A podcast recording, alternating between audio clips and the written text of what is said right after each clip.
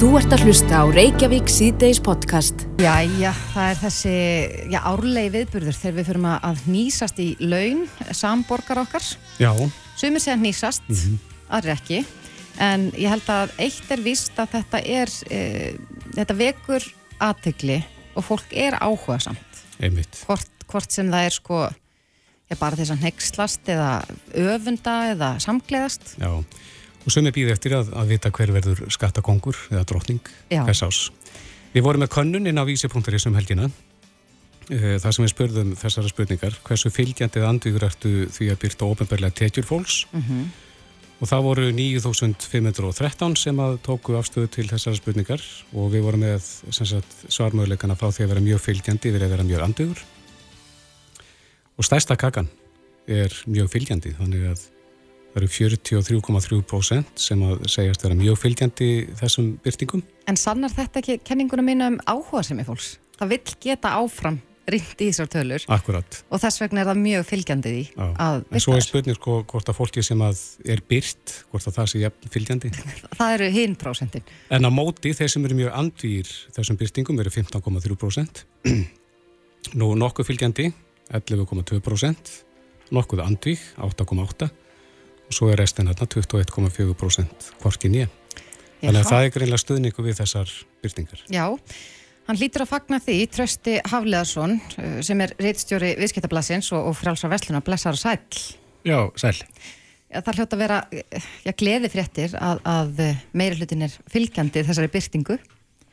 Já, já, en það kemur mér svo sem ekkert á óvart. Ég meina, það er beðið eftir þessu blæði að núti og við finnum það mjög stert þegar að líður að þessum tímamótum að skatturinn opnar sína skrár mm -hmm. að þá hérna, myndast ákveðin spenna fyrir þessari útgáfu og síðan sjáum við það náttúrulega bara líka á lestrinum á þeim fréttum sem við setjum á vefinni okkur. Þannig að þetta er bara svipa á eins og með aðra fólkir sem að, fréttir sem að hérna, snúast um fólk mm -hmm. að fólk hefur áhuga á fólki og fólk hefur náttúrulega mikið áhuga á launum fólks. Er það til þess að miða sjálf sig við þá næsta manni? Ég, sko við heyrum alltaf töluvert af því að fólk noti þetta blað í sinni kæra baróttu uh, þarna er svona þú veist ef að þú ert í einhverjum þeirra atvinnugreina sem að við erum að fjalla um í blaðinu mm -hmm. að þá getur þau svona boriðið svolítið saman við hérna þá sem er að vinna svipa, svip, svipu störf og það er án ef að einhver hópar að núti sem að, sem að hérna, notar þetta í þeim tilgangi En Íslendingar eru líka sko þekkti fyrir það að vera kannski tveimur að þreimur störfum. Þannig að það er kannski erfitt að sjá einhver eina svona aldilda tölu. Já og, og það, það er nú kannski ágætt að það komi fram sko varðandi er tölu sem að byrtast í þessu bladi þetta eru útvarsskildartekjur út, mhm. útsvarsskildartekjur þannig að þarna eru til dæmis ekki fjármakstekjur uh, svona skattfrjálsartekjur af bílafríðendum og öðru slíku eru ekki þarna inni Mm -hmm. uh, við vitum alveg að stór hópur í samfélaginu með mjög háar fjármastekjur þannig að þú veist ef þú horfir á hérna það fólk að þá endur spekla þær tekjur sem þær hafa í þessu blæði rauninni ekki raun tekjur þeirra á mánuði. Aftur á móti er inn í þessu blæði líka sko og það hefur valdið miskilningi hjá mörgum sem eru í blæðinu sjálfu er að hérna þarna inni er til dæmis sérregnarspartnaður Þannig að ef að þú tekur út sérregnarspartnaðin á árinu, mm -hmm. tókst hann út í fyrra, þá flokkast hann sem út, útsvarskildar tekjur. Mm. Það stjætti kannski myndina fyrir það sem að vilja byrja þessi saman. Það, þú veist, þetta er eitthvað prósenda, ég veit ekki sem margir er að gera, þetta var mikið hérna fyrir nokkrum árum, mm -hmm.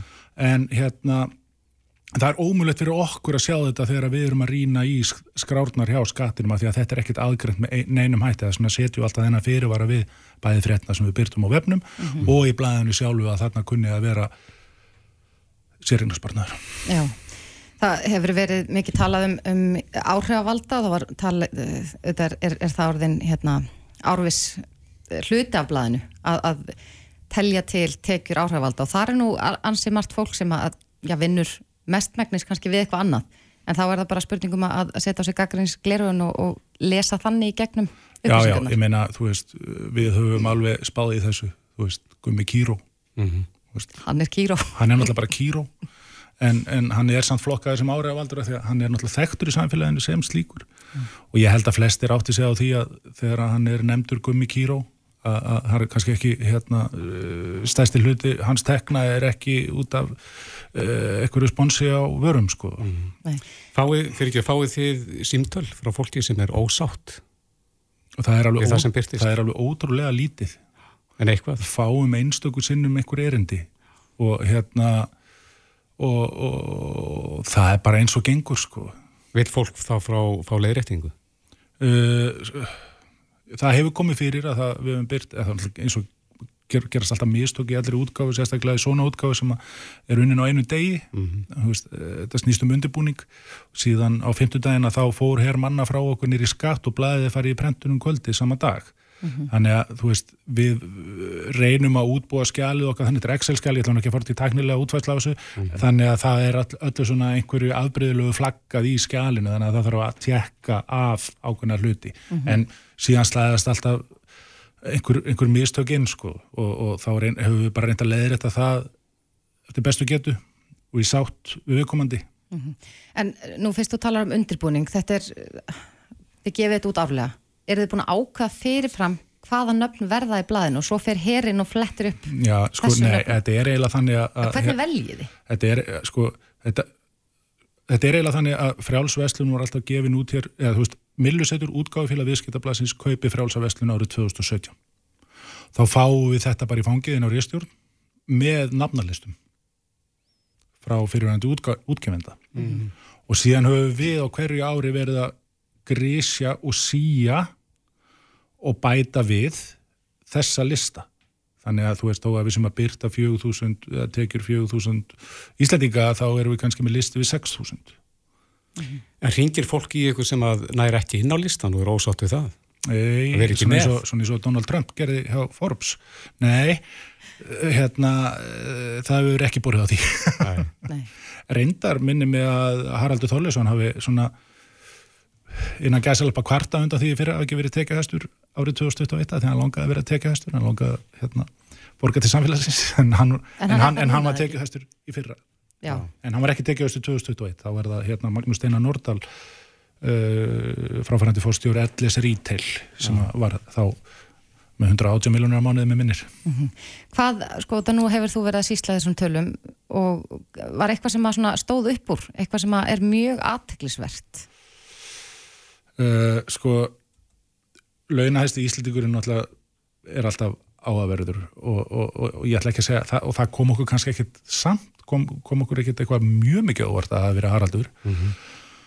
alltaf, sem er oft kentu við UN en, en náttúrulega var með mikla tekjur hjá Twitter og hefur náttúrulega verið að borga skatta hér heima uh, annað sem að vakti aðtikli að veku náttúrulega líka aðtikli hvað hérna listamenn eiga margir svona erfitt samkvæmt hérna tekjulistanum, ég meina við erum með söngunur bara eins og GTRN sem að held að ég vinstast að lagi í dag og, og, og, og Bríet og fleiri sem að eru bara með 2 til 300-400 þúsund á mánu en sko ég veit að ekki, kannski er, er bara uh, ákveðin hópur listamanna eins og annara uh, bara með félagum sinn rekstur. Þannig að hérna tekjurnar komið þarinn í meira mæli heldur en þarna. Já þannig að það er kannski frekar svona uh, aðtiklisvert að sjá lægstu tekju tíundurnar í þessu bladi Nei, nei ja, þú veist ég nefni þetta bara sem dæmi en, en síðan náttúrulega veku líka aðtikli að þú veist við erum með lista hérna yfir sko hjúgrunarfræðinga lækna, presta, sveita, stjórnamenn, fossetta, alþingismenn og ráðherra. Þetta er allt starfandi á nú ofinbera mm -hmm. en síðan eru við líka með eitt lista sem heitir embætismenn, fórstjórar og starfsmenn hins, hins ofinbera sem eru þá ekki þessi læknar, ekki þessi hjúgrunafræðingar, ekki sveitastjórnafólki eða þingmenn eða ráðherrar og á þeim lista eru held ég 30 manns bara á okkar lista með yfir 2 miljónir á mánuði mm -hmm. og hæslaunustu þar eru hérna eru Runóru Pálsson sem stýrir landsbyttilann Hörður Arnarsson á landsverkjun og, og, og Jóhannes S. Rúnarsson frangatstjóri strætu mm -hmm. með yfir 4 miljónir og Runolf náttúrulega tekur ekki við svo sem fyrir inn í marsi fyrir þannig að hann hefur sína tekur kannski líka einhverju leiti sem læknir á því ári, ég veit það ekki og hérna, og, og á þessum lista er Sælabakastjóri þeim sem bara í 17. seti mm -hmm. Kannski rétt aðeins og lókin, hvað viltu segja við þá sem að telja þetta bara vera trúnaðamál, persónuleg málefni? Ég vil bara, hérna segja sem minnst þetta er bara, hérna, þú veist, það er deilt um þetta á hverju ári ég skil, þú veist, bæði sjónamið mm -hmm. en hérna í dag er alltaf einhvern svona aukinn krafa upp gegnsægi og annað og, og þetta er kannski bara einhver hluti af því að, að, að skapa gegnsægi á vinnumarkaði og þetta eins og ég nefndi á að nýtist náttúrulega einhverjum Eh, einhverju leiti fólki sem er að bera sér saman og er kannski að hérna falast eftir hæri launum og það kom reynda líka óvart og ég verða að nefna það að af 30 launaðastu fórstjórun landsins eru bara fjóra konur Já, Já það er kannski annað æri verkefni til þess að skoða mm -hmm. en, en ég man eftir því að, að við rættum nú saman fyrir árið síðan mm -hmm. og, þá kom í ljós allavega að þetta voru ný, sko, nýjar upplýsingar fyrir mig að ég gæti valsað sjálf til skattsins mm -hmm. og flett upp í þessum gögnum. Það hefur alltaf verið þannig Já.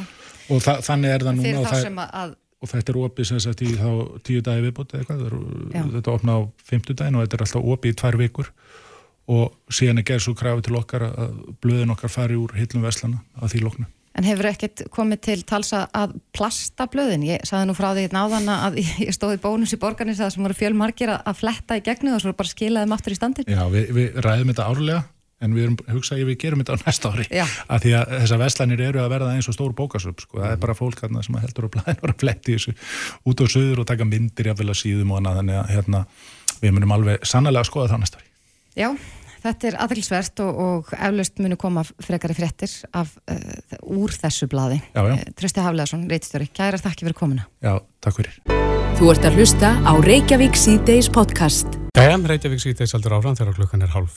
Það segir hér í frett inn á vísi.is að þrenn stór félagarsandök hafa hægt viðskiptu sinu við Íslandsbanka í sumar mm -hmm. með samtals miljardar viðskiptu við bankan. Þú fyrsti var að fórseti ASI segir ákvörðun samtakana um að hætta viðskiptum verði ekki haggað. Akkurat. Þetta hljóta að vera slemma fréttir fyrir stjórn bankans. Já, þetta er auðvitað eh, afleðing af, af söluna Íslandsbanka sem að var nú mikið rættum hér fyrir skemstu. Mm -hmm. Það voru líka fréttir af því að einhverjir innan bankans vikur sínum störfum, meðal annars bankastjórin. Já. En uh, þessir, þessir félagsamtök telja já, kannski að þetta sé ekki næla mikið og segja að það eru ennþá starfsmenn við bankan sem voru þáttakendur í þessum leik og hluti af stjórninu líka. Og það gefur auga leið að þá er einfallega ekki nógulangt gengið í ávenni sér tröst á ný. Nei, hann er komið til okkar Jón Guðinni Ómarsson, bankastjóri Íslandsbanka, velkomin. Takk fyrir það. Já, svona þín viðbröð við þessum flóta sem að kannski sér ekki frendan á. Já, það er alltaf hérna, sárt að sjá á eftir viðskiptveginum mm. og við munum alltaf að gera okkar besta bara til að endur vinna þeirra tröst og og ná þeim aftur í vískipti en okkur kostur er. Mm -hmm. Hefði það ekki verið hægt áður en að þeir tóku þess ákvörðin? Þeir tegli ekki nóg langt gengið? Það er mitt, það er kannski erfitt að segja. Eh, varandi hvað hefur gert nú þegar, að þá eins og þið nefndu það, ná hérna allir þeir stjórnöndu sem að stýruðu þessu verki á sínum tíma eh, eru nú ekki lengur í sínum störfum. Eh, meiri hluta stjórnar hefur vikið og það er nýr stjórnarformaður, þannig að það var nú þegar orðir verulega breytingar. Eh, nú eru að vinna aðeins hérna, aðgerra áallun eh, í tengslu við sáttina við Sælabákan og þar eru að leitast til við að styrkja áallu menningu bákans og styrkja líka eftirlitseiningar og horfa þannig fram á veginn. -hmm. En þetta lítur að vera gríðarlega stórt verkefn að reyna ávinna sér tröst á ný uh, og ekki bara gagvar þessum félagsamtökum sem, sem hér um ræðir heldur einni bara viðskipt að vina bankans, einstaklingum sem og, og lögæðalum.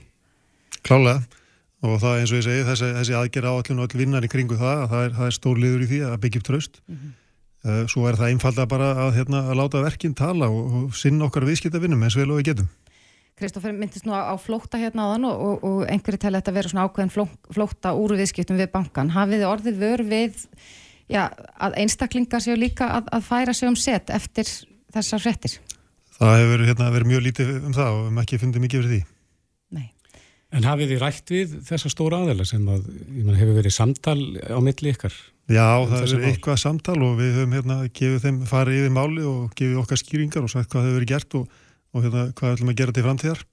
Og náttúrulega hlutaði fundið bankans í lok uh, júli að það var upplýst mjög kyrfilega fyrir um það hvað, hvað hérna, hverju var ég verið að vinni í en hérna þetta er þeirra mat og hérna ég, við munum bara gera okkar best allavega endur vinna tröstið ef, ef nokkuð kostur er. Og hvað er efst á bladi þar til þess að reyna endurvenduristi? Já, það er sem við nefnda á hann, það er þessar breytingar sem við erum að gera, þessi hérna, aðgerra átlun sem er að vinna að. Uh, nú þegar höfum við gert verulega breytingar bæði á, hérna, á stjórnenda stjórnendu bankars, uh, í stjórnbankars líka og hérna, þannig að nú er að horfa fram á veginn og sjá hvernig við getum styrt okkur bæði áættu menningunni og, hérna, og líka sett í eftirlitseiningunum mm -hmm. Hefur eitthvað verið rætt um, um já, sölu á restinni?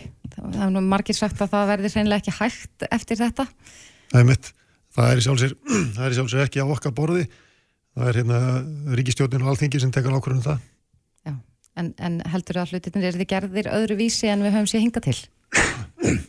Já, ég held að mig alveg ætla það og við erum rætt um það að það væri betra næsta að gera þetta þannig að almenningur fái kost að taka þátt og þetta sé svona opnara og gegnsara ferli mm -hmm. Óttist þið það að, að fleiri muni feta þessa braut sem að, að þessi stóru hagsmunasamtök, félagsamtök hafa gert?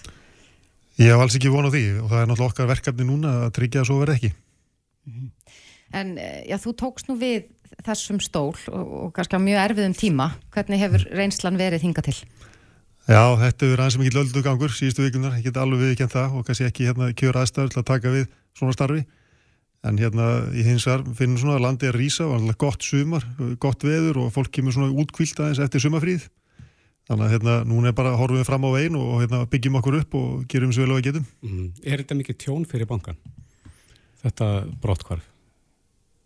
Uh, var þetta þess að þrjá aðeila? Þessar stóru, já, þessar þrjá stóru. Þetta er, það er alltaf sást að missa viðskiptavinni, en hérna var þetta þess að þrjá, jú, það hefur einhver áhrifin, en, en ekki veruleg fyrir bankan.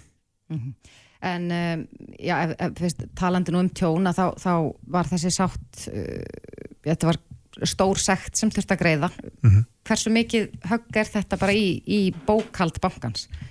Já, náttúrulega sáttir sjálfur hérna, yfir miljardur króna og svo er annar kostnað líka sem fylgir þessu, það er í mig sér uh, ráðgjöf og annað slíkt sem að hérna, annar, annar kostnaður og annar sem er kannski erfiðar að mæla eins og eitthvað brottvall viðskiptavinna en ef við séum þá hefur við fundið tildulega lítið fyrir því og hérna munum gera okkar besta til að hérna, sinna viðskiptavinnuna í framhaldinu mm. Verður þessum kostnaði veltið verið á viðskiptavinni? Nei, ég held að svona mjög litlu leita allána, ég held að þetta, þetta sé náttúrulega eitthvað sem hefur áhrif á, á hlutafana og hérna en á sama tíma munum við náttúrulega reyna að hérna, já, að tryggja hérna við bjóðum sem best kjör til framtíðar, til, fyrir viðskiptinni. En hvað með, með hérna starfsandan í bankanum, hefur, hefur það verið verkefni að reyna neins svona að, að horfa fram á veginn með, alla þessa leðsmenn, allt starfsfólkið?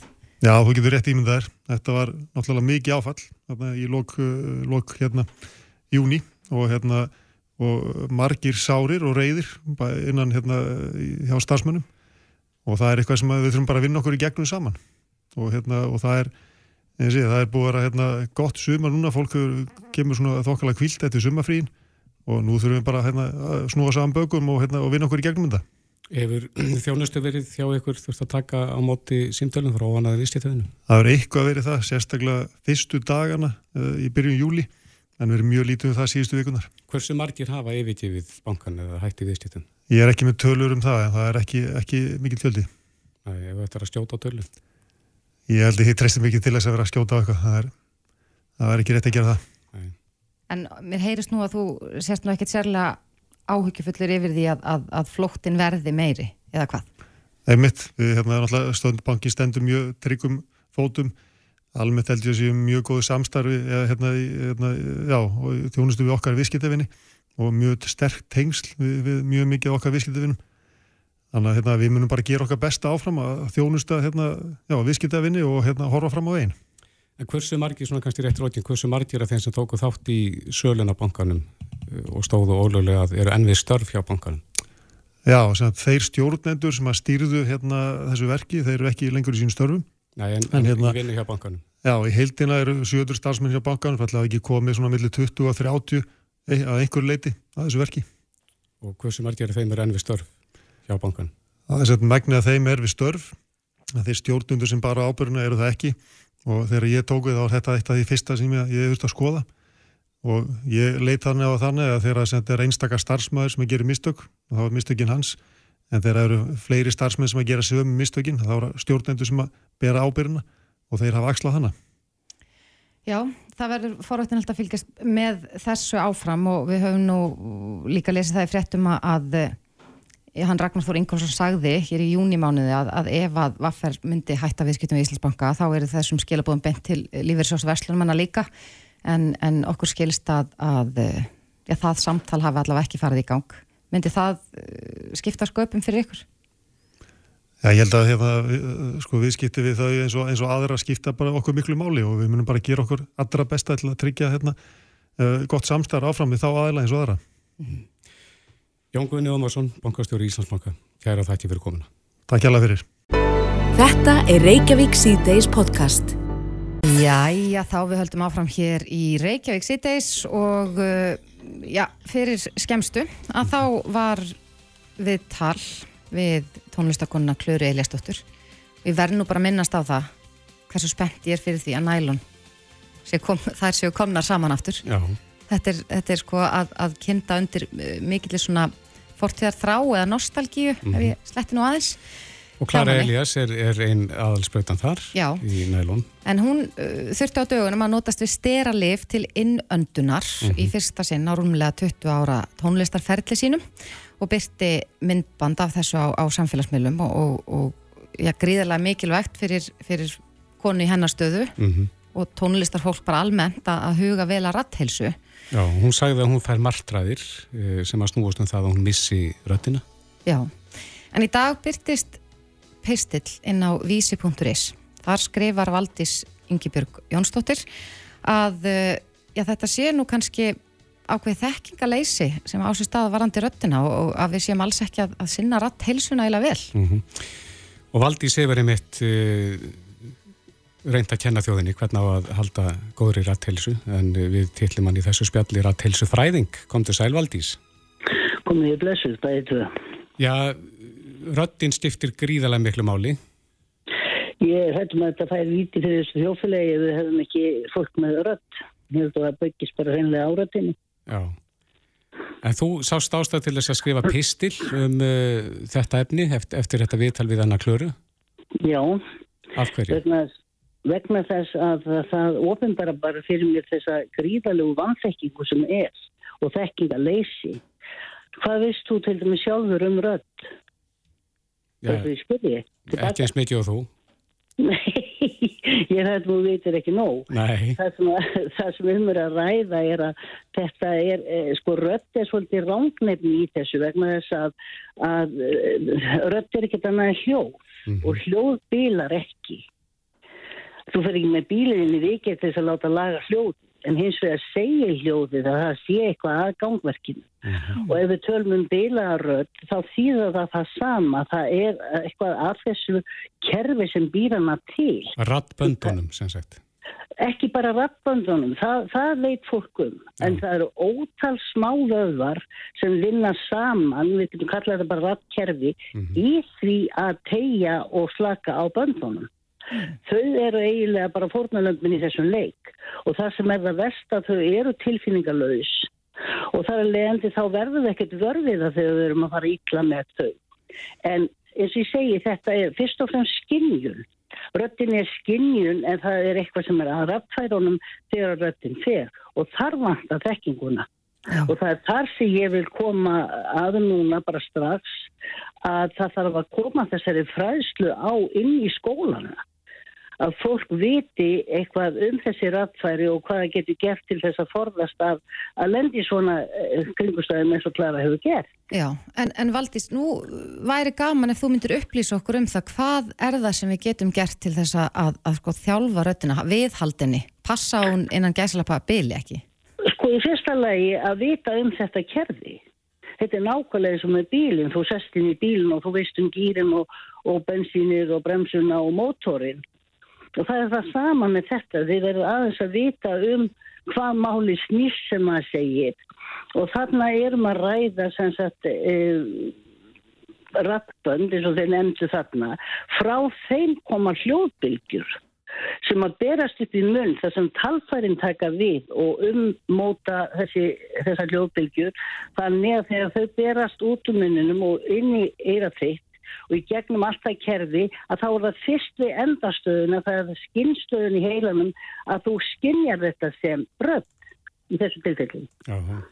Svona, svona sem sagt skinnju við hljóð, þannig við erum að tala um skinnjun en þess vegna getur röttin ekki bila sem slík. Nei. En Valdís, eh, nú kannast margi við það að hafa jafnvel tekið þátt í brekkusöng eða verið á einhverju söngskemtun og svo daginn eftir að þá er fólk rattlaust. Já, það er ekki til þess að fósa sig af. Það er svona svipa eins og að hlaupa sig alveg feint, uh, það mikið til skada að mann á ekki andanum. En hvað er það þá sem gerist á skemmtuninni sjálfur? Hvað... Það er, það er, það gerist að, að fólk í raun og veru mist beitir og misnota þetta ágæta verkfæri sitt og uh, eitt af því til dæmis sem maður getur farið ítla með rödd það er að öskra því það er eins og verið með svona slettfallit yfirborð á einhverju, tækið svo grófan sambattir og, og rispaðir yfir yfirborði mm. sko ég, ef ég má koma með dæmi, myndir þú nokkuð tíma láta þetta í huga fara úr skólum og sparka í vekk Aldrei? Nei það er að því það er sásökarskín mm -hmm. sem varaði við. Þetta sásökarskín er ekki til þarna. Þannig að þegar að fólk öskur syngur valdís já, á þessum stjæftunum þá er það að fara illa með röttina.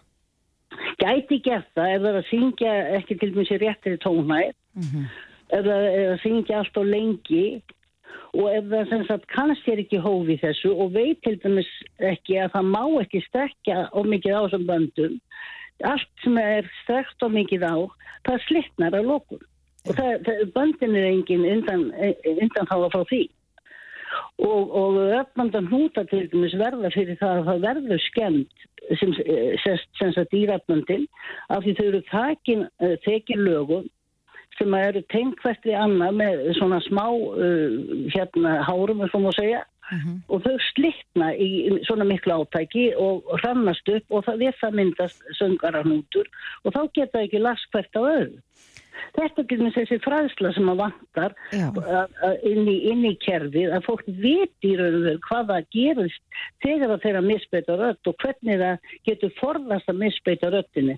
Það er til dæmis eins og ég segi það er bara reynlega öskra aldrei. Sjálf kalla ég til dæmis aldrei vegna því ég finn það ég reyna allt og mikið á mín rættfæri með því. Já, en, en sko nú hefur líka stundu verið talað um já, það sem kallað er viskirött. Hefur áfengi slæm, slæm áhrif á, á þessi... Og viskir... Viskirött, sumir, sumum þykir að eftirsoknaverst að, að vera með þessa svo kallu viskirött. Já, það er bara einfallega sjúklegt aðrið þarna bakvið Eh, kent við viskilöfn en sko hvort við viskil kemur það eitthvað freka til greina eða koni ekki að brenning, það veit ég ekki. En ég veit að hins vegar að það sem að viskilöfn er, þá er komin bólka eða froti í kerfið. Þannig að böndin geta, böndin vinna þannig að þau þurfa að sveplast mm -hmm. og þegar að búið að eidilegja það einhverju leiti, þetta er sami svo gerist við hæsi að þá sess svona þrótti í þetta sem þarf ekki endilega sjást en verður til þess að trubla þessa starfsemi bandana þannig að þau get ekki sveiplast eins og þeim er eigilegt því að hlutverkvært bandana er að búa til þess að hljóð byggjur mm -hmm. þannig hefsturöttin En Valdís, þegar að málin eru komið svona að, að fólk er komið með hæsi mm -hmm. hvernig er best að ná röttinni tilbaka? Sko, það er í raun og veru, þú kemur með uh, stóra og mikla spurningu þarna. Já. Vegna þess að ef að hæsin er komin vegna þess sem oft er, mm -hmm. vegna misnokkunar, langvarandi misnokkunar á rödd, þá þarf fyrst og fremst að ná úr þeirri óværu sem komin er í þetta vöðvakerfi, ná burtu spennunni og það er fólk á borðinni eins og talmennarfræðingar sem eiga geta gert það. Það er ekkert neinn töfralösn við því. Er það heitt vatn með hunangi eins og stundum við talaðum? Það hjálpar en það hjálpar ekki ef þú þannig að misbeita röttinu því þá heldur bara áfram því munstri.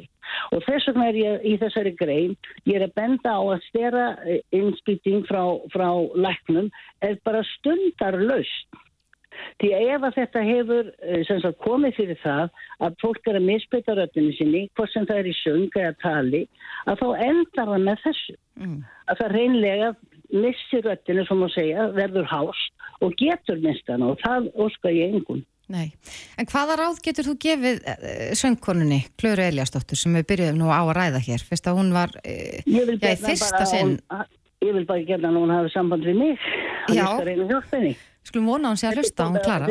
Já, þetta er komið á það stið hjá hann í greinlega að hún þarf að fá að það þarf að, að vinna úr þessari spennu sem er komin þarna til þess að vera. Mm -hmm.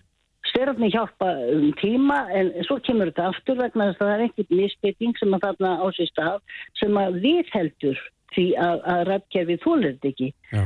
Með öðrum álum hún er að, misbjóða röttinu mm -hmm. ég vil koma einu með ég fæ smá tíma að, að í sambandi við rött að ég vil endilega og ég vona sem flestir áðumenn hlusta á mig núna ég vil að það sé litið á rött sem lífhelsumál.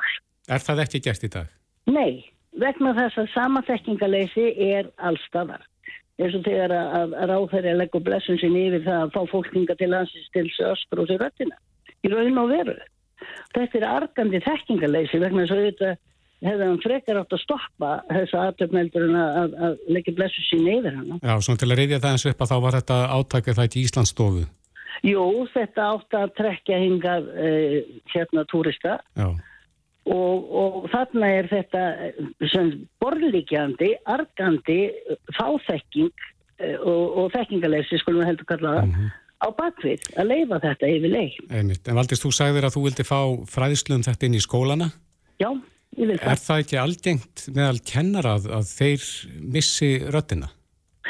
Vitaskuld vegna þess að þeir eru í áhættu hóp vegna þess að þannig komum við einu sem að, að verður líka skoðið inn í. Það eru umhverfis áhrif á rött og, og kennar að starfa í, í slíkum skilurðum að, að þau eru hættuleg röttinni rött skemmandi aðrið eins og til dæmis að þurfa að tala í háfaða mm -hmm. eða þurfa að tala við einhvern sem er í einhverju fjalla þannig að, að starfi sjálf í eðli sínu pluss umhverfi sem þeir vinna í kannski óheilnæmt andrúsloft og og, og annað í þeim dúr. Það, það verður til þess að, þessum, þessum blessaðaratkerfi er bara misbóði. Rétt hans í lókin þegar að fólk er, maður heyri það að það eru margir sem að þurfa að ræstja sig þessa dagana. Hætta því eins og skot. Af einhverjum ástæðan, af hverju, af hverju má ekki ræstja sig? Vegna þess að, að sko þetta eru bönd, við meðum ekki gleyma því við erum að tala um líffæri. Mm -hmm. Og ef þú sér til dæmis fána, ég stundu tekið þetta sem dæmi, og þú sér fána eh, sem er stöðust á lofti og er í öðrum og vindum að rókið það gerir það að verkum eða þessi sveibla sem verður á fánanum gerir það að verkum að hann fyrir að trosna í endan Já. þetta er nákvæmlega samerratbundin að þau fól ekki þetta átak og, og sem sagt gefa eftir og þar með vandin komin inn. En ef, að, það þarf að, að losa eitthvað af ratbundunum sem að Sko það er aldrei, aldrei gott að þurfa að skeri eitt eða neitt. Og, og ég gerir áferð að setja í að því til og með að skafa burtu söngvaranhúnda það er, það er bara síðasta úræði sem maður segir. Hvað á að gera í staðin fyrir að ræstja sig? Hætta því, venja sig af því vegna þess að þetta verður ávanni þetta er til dæmis eins og þú erum með exi myndur þú klóra því? Alveg öruglega Nei. Já, þú myndir hafa löngurna til þess Sveimir hafa minni sjálfstjórnum aðrir.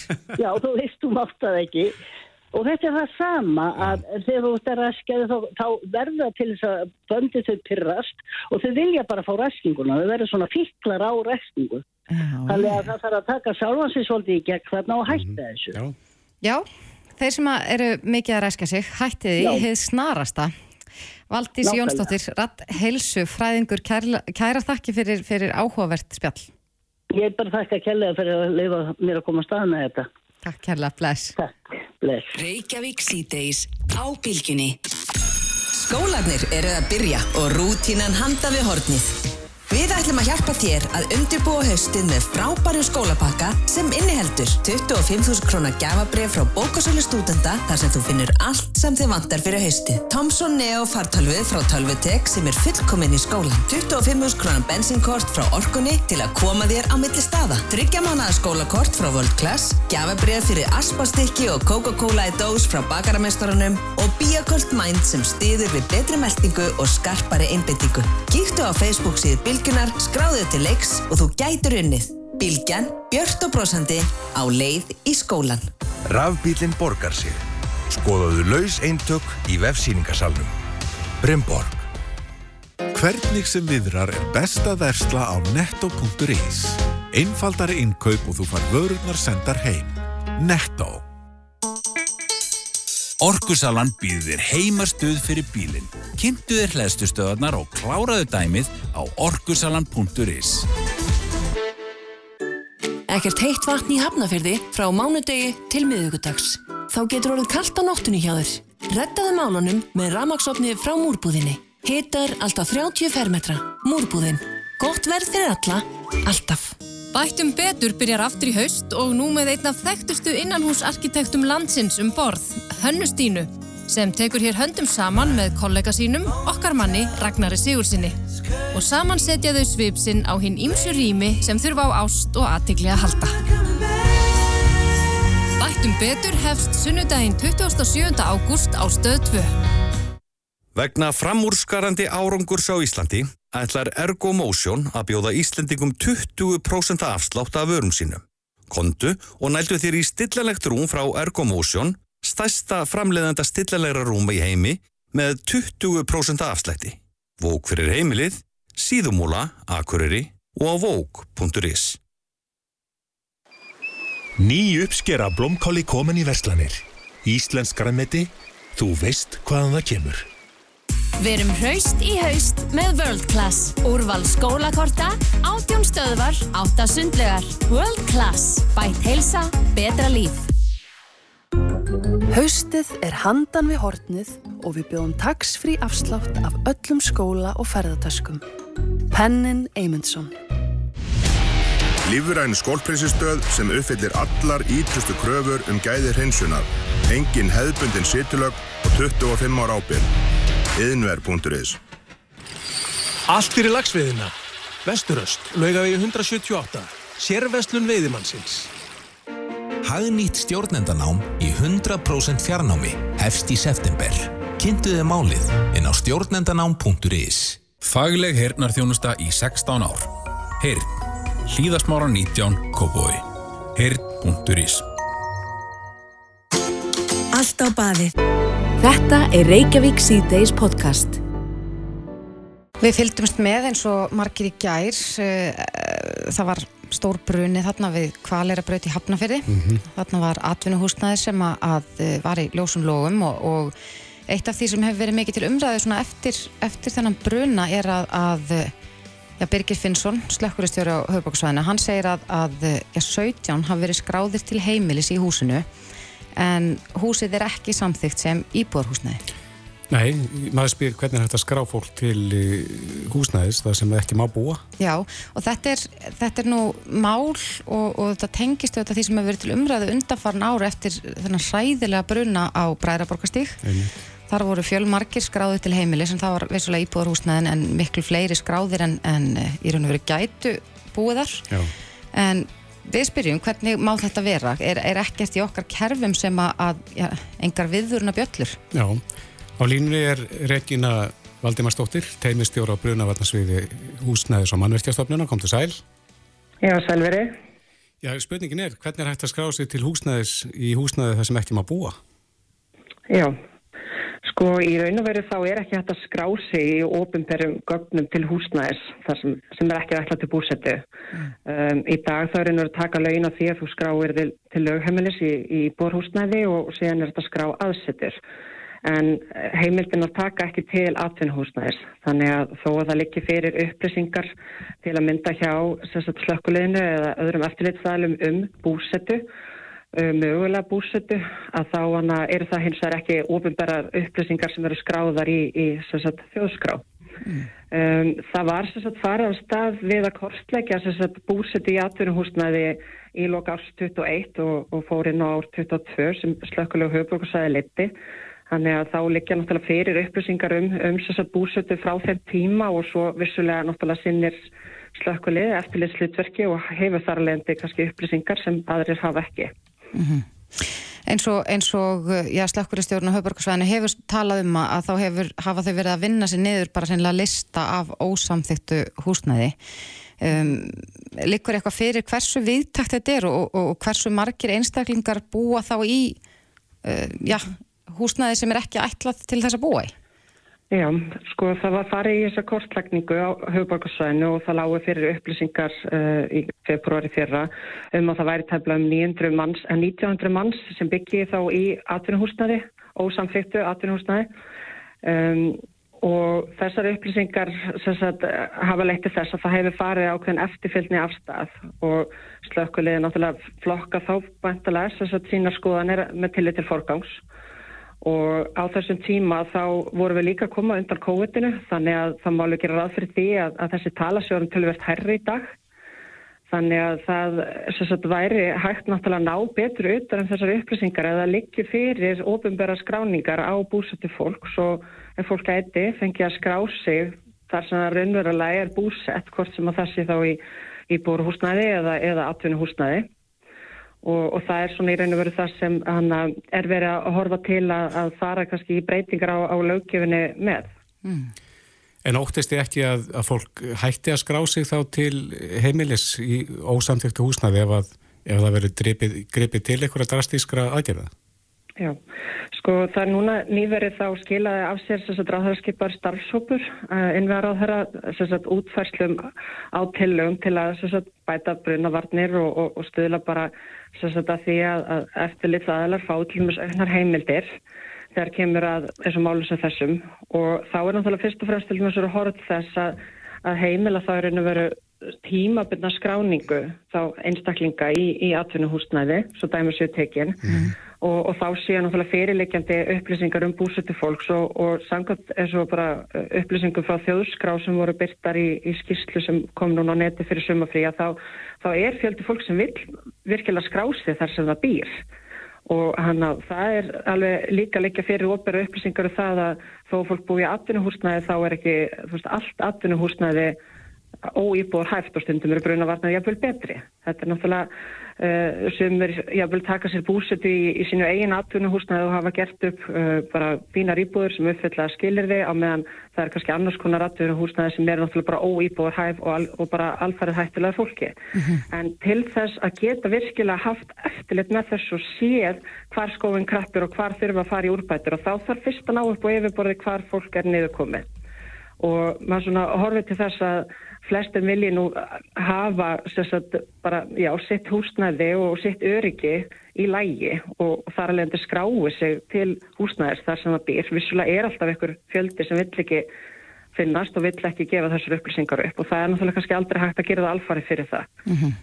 en, en hvernig, eh, já til dæmis, eh, ef, ef á að breyta sko atvinnhúsnaði, íbúrhúsnaði, þá er þetta alltaf spurningum deiliskeipula eða aðalskeipula eða hvað sem er. E, hafa, hefur samstarfi sveitafélagum verið, verið góð í þessu mm. já, átæki sem hefur verið í gangi síðan þessi hræðilegi bruni varð á Bræðurborgastík?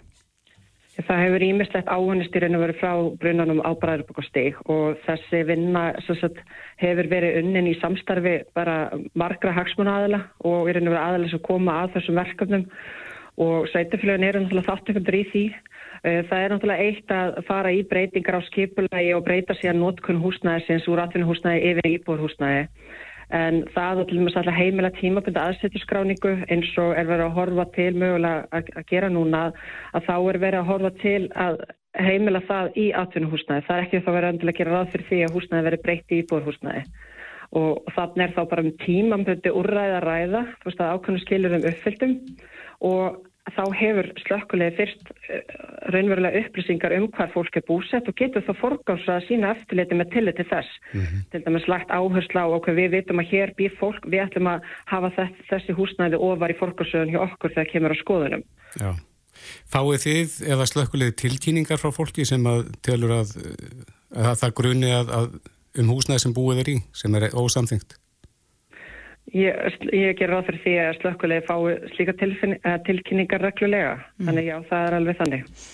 En, en nú eru líka margir sem að velta fyrir sér, já, ábyrð sennilega eigenda slíks húsnæðis, þar sem að brunavarnir eru ekki, ekki nægilegar. Mm -hmm. Hver er ábyrð þeirra? Er það á ábyrð eigandans að tryggja að þarna sé allt örugt? Já, svo það er þannig, samkvæmt bara í raun og veru lögum að þá er það ábyrð eiganda mannverkis að tryggja brunavarnir sé samræmi við bara kröfur í, í, lög, í lögum og reglugerðum, eins og til að mynda byggingareglugerð og svo eftir aðtökum forraða mann mannverkis þá er raun og veru að, að að tryggja eigin brunavarnir. Mm -hmm. og þannig já, það, það er þannig. Og um, það sem er líka mikilvægt að, að eigandi náttúrulega huga því að, að notkunn sé í raun og veri í samræmi við hvaða starfsemi á að fara hana fram á, er þetta, þetta atvinnustarfsemi þannig að bara ætlast til þess að það er sé eitthvað skonar leifirskild starfsemi eða er húsnæði íbórhúsnæði og það er bara, uh, það er ekki sömu reglur eða, eða kröfur gerða til brunavarna hvort sem um atvinnuhúsnæði er að ræða eða íbórhúsnæði. Nei. Og á sama tíma líka, fyrir ekki. Já, fyrir ekki.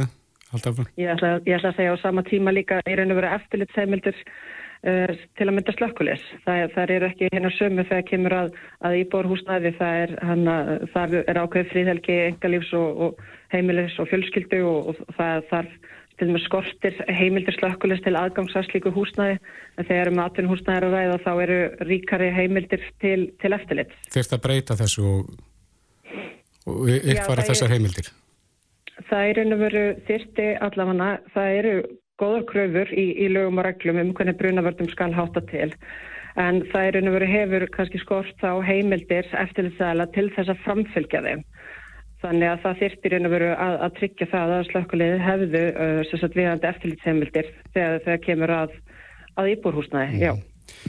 segir mér, Reykjana, hvað er það þegar það kemur að brunavörna sem að skortir helst upp á þegar um ósamþygt húsnaðir að ræða? Hva, hvað, hvað vantar upp á?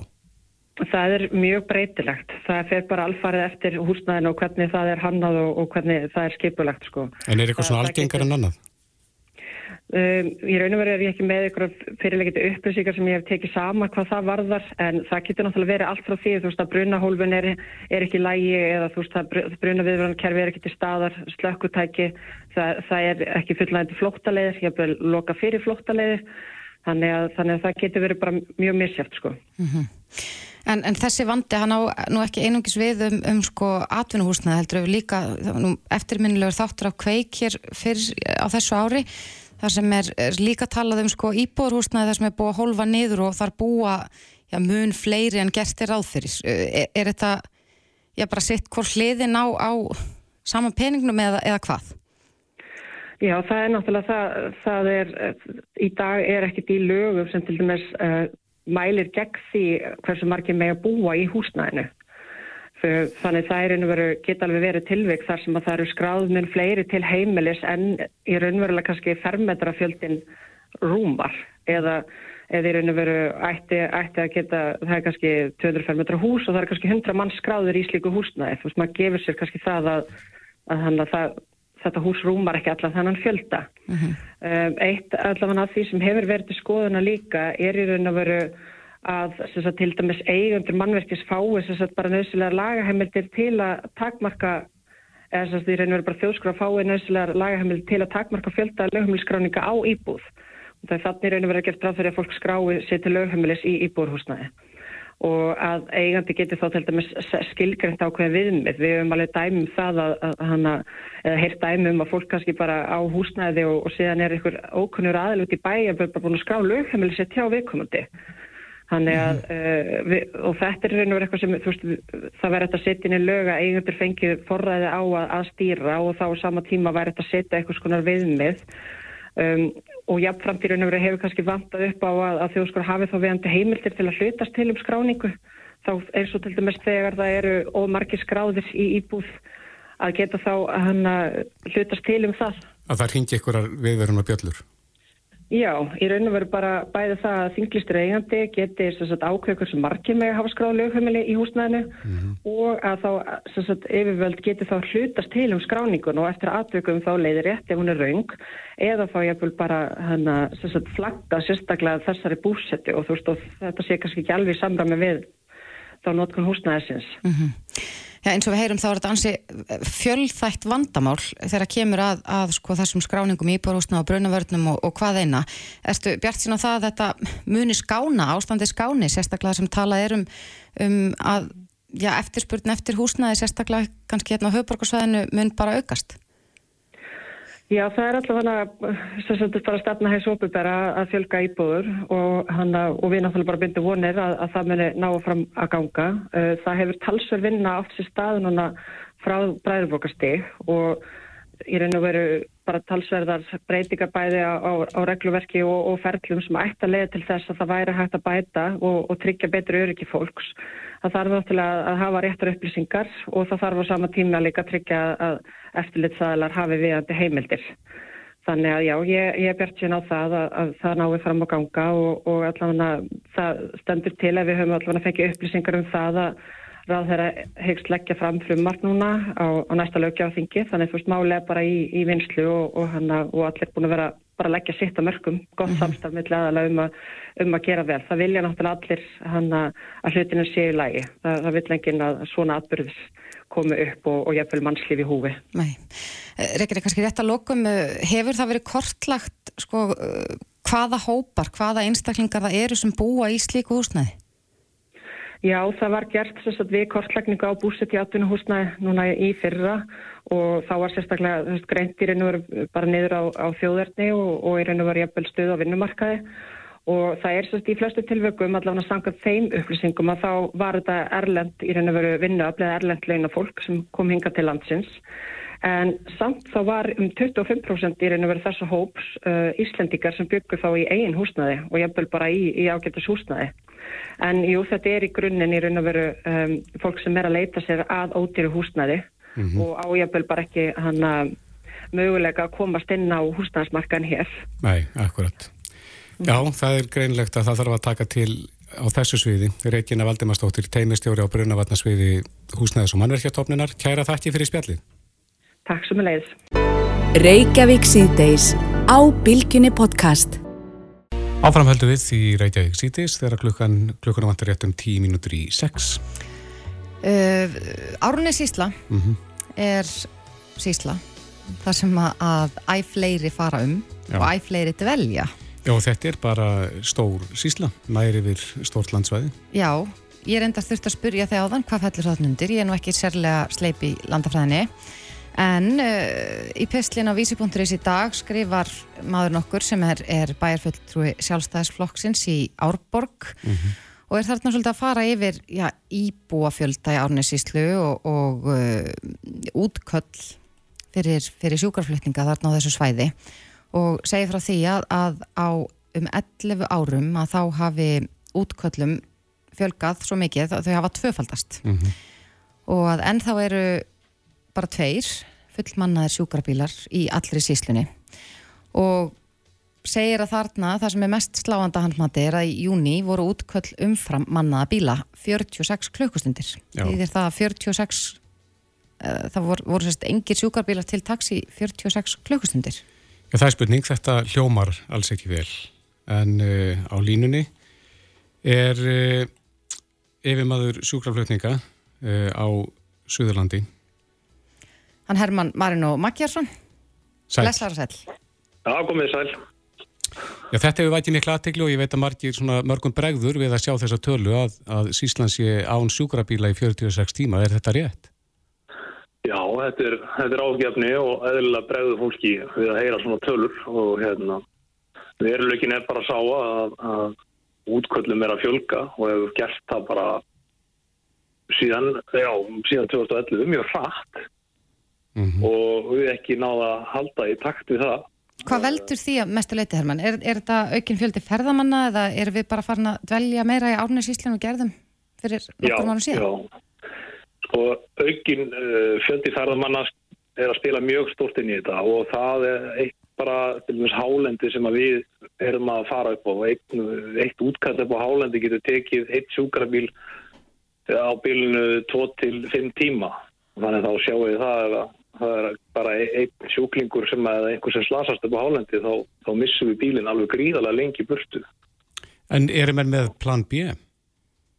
E, plan B við erum alltaf að, að hugsa og alltaf að reyna að finna út einhverja leiðir e, en þetta er óskupið einfalt e, til að efla þjónastunum fyrir við peninga og, hérna, og það er eitthvað sem við erum alltaf að berjast fyrir og þetta snýst einfallega bara um það. Við erum fullt af góðu fólki sem að vil vinna við þetta og við erum þakklátt fyrir það. Uh, fólki okkar, það leipur hratt og rúmlega það og eins og við séum, við erum bara ekkert uh, stoppum aldrei þegar það kemur að þessu að reyna að hugsa eitthvað nýtt en við, við snýðum okkar stakka þetta vexti sko. En Herman, manni heyrist þetta vera svolítið rekið á hefninni?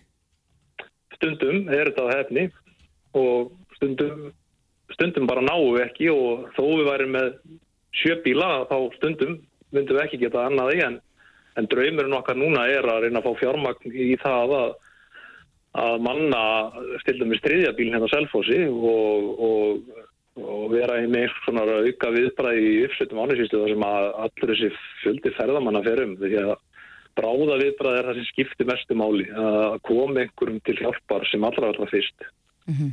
og það er það sem við viljum og, og erum að berjast fyrir og hérna að allir þessu fjöldi ferðamanna þetta það þarf að fylgja þessu peningur, það er bara svo leis. Já, það hefur verið mikið talað um viðbrastíma á þessum vinsælu ferðamannastöðum og þið eigða nú nokkra í síslunni. Jú, Hvernig já, væri besta fyrirkomulegið að þínu mati?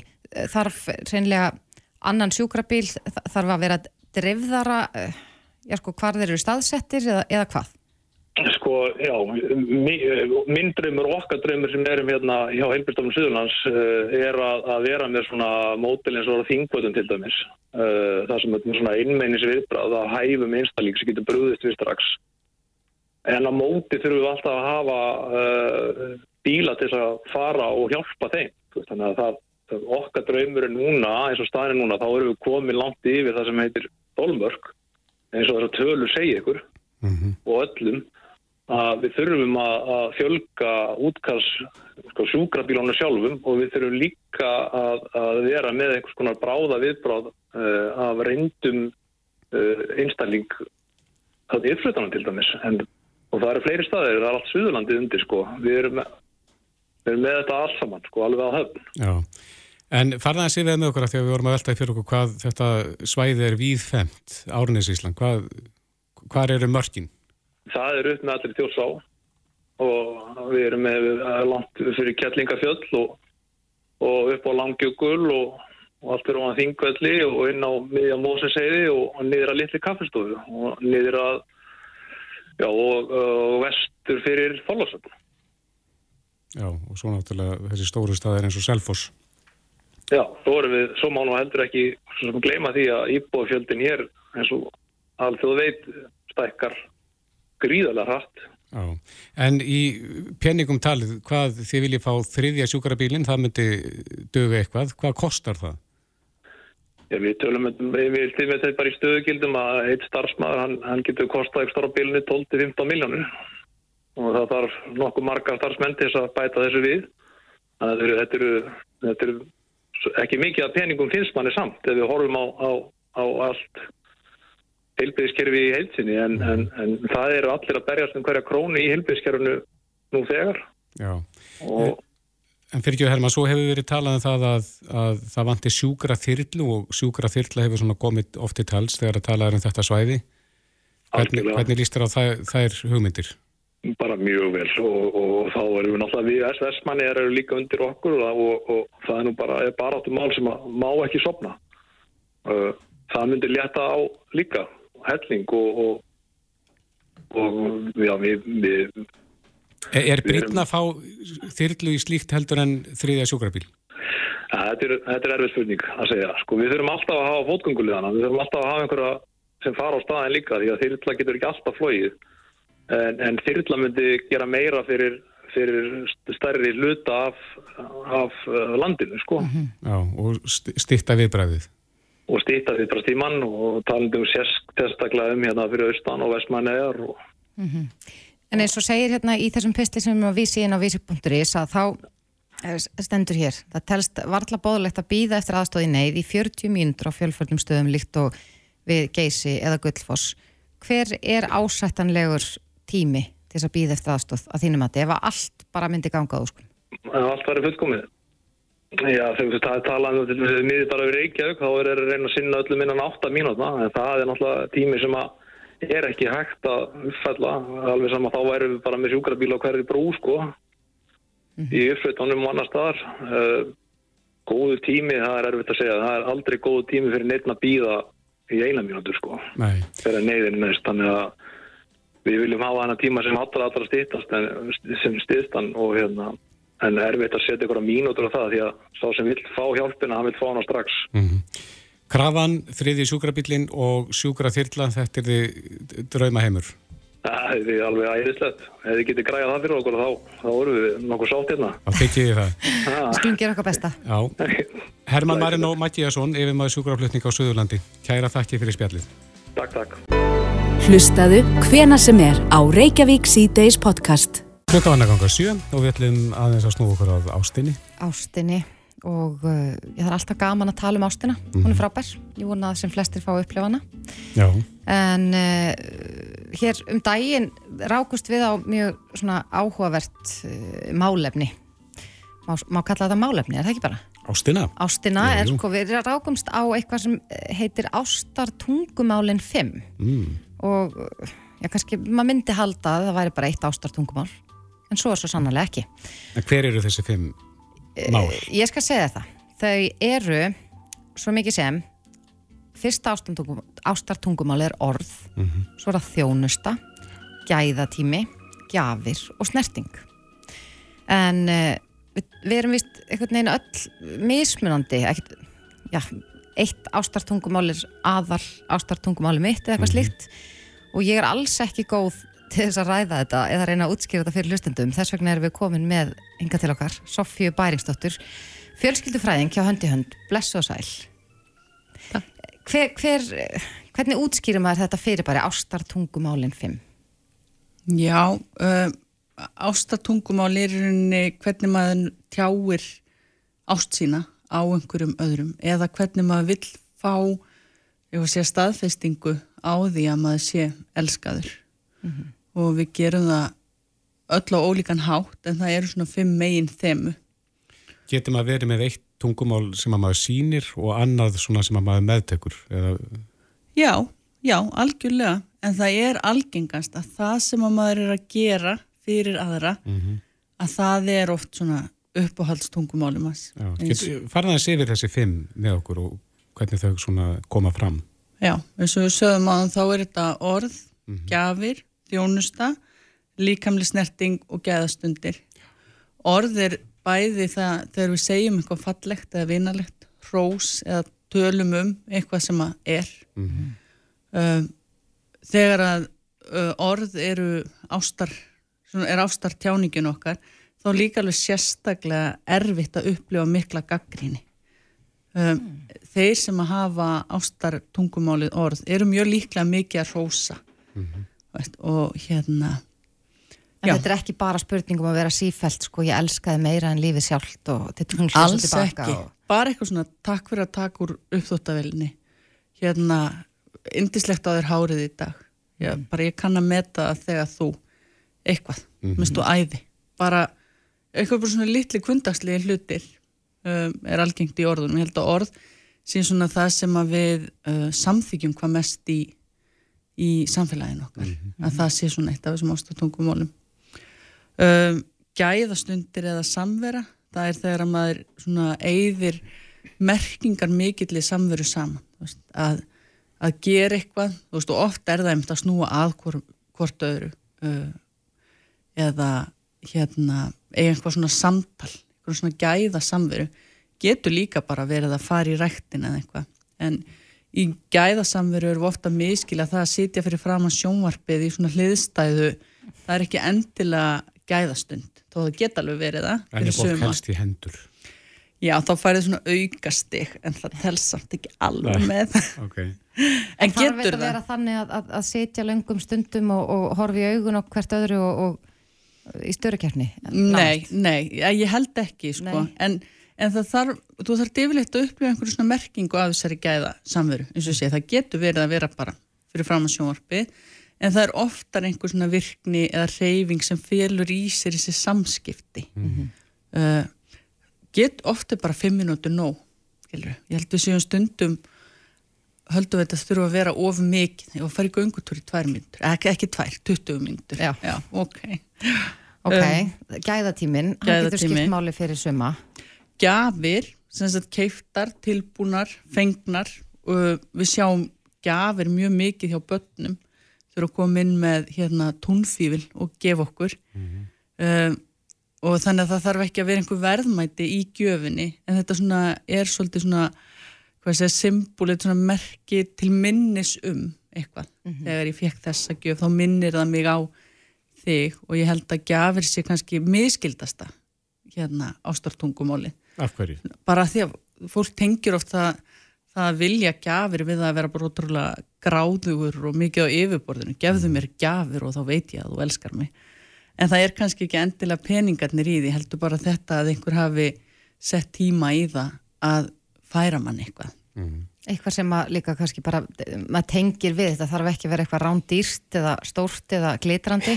Alls ekki, emitt þú veist, túnfívill mm -hmm. getur verið gegjaður þetta, þetta snýst alls ekki um verðgildið eða stærðin langt í frá.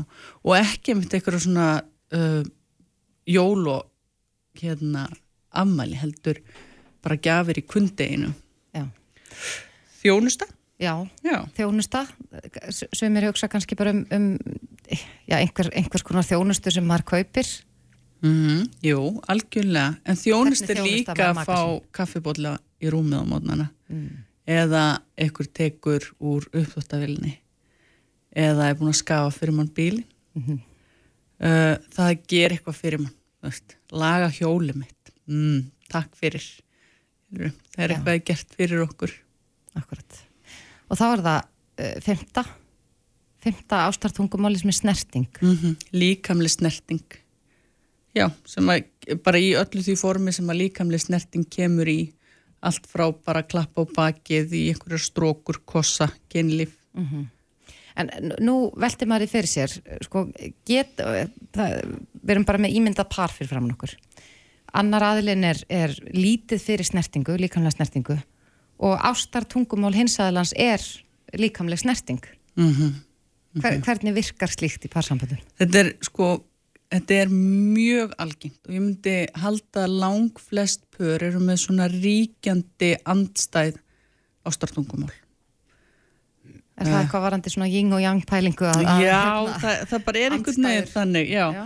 Ofta ámaður auðvitað eitthvað svona sem er saman en þetta ríkjandi en það sem að tryggsir Er það verra að, að ef að para með sama ríkjandi? Nei, það er bara einfaldar lífið. Það er bara mjög gott sko. Það er mjög gott, en hitt er mjög algengt líka. Mm -hmm. hvaða dæmi nefndur, annar elskar líkamlega snertingu. Og hinn, hinn bara er frekar snerti fælin Já, það er aðeins erfiðar þegar maður er kannski snerti færin en annar er mikið fyrir líkamlega snertingu. Hinn elskar orð. Þetta er svolítið eins og tala íslensku og kynvesku uh, þú getur ekki tala endalust kynvesku og vonast til þess að sá sem talar íslensku skiljiða mm -hmm. Þú veist maður verður að skipta yfir og sameigilegt tungumál þannig að þessi sem er lítið fyrir snertingu til að sína ást sem að hinn aðilinn skilur er þá að gefa snertinguna mm. og að fá þá til baka það tungumál sem að hann skilur.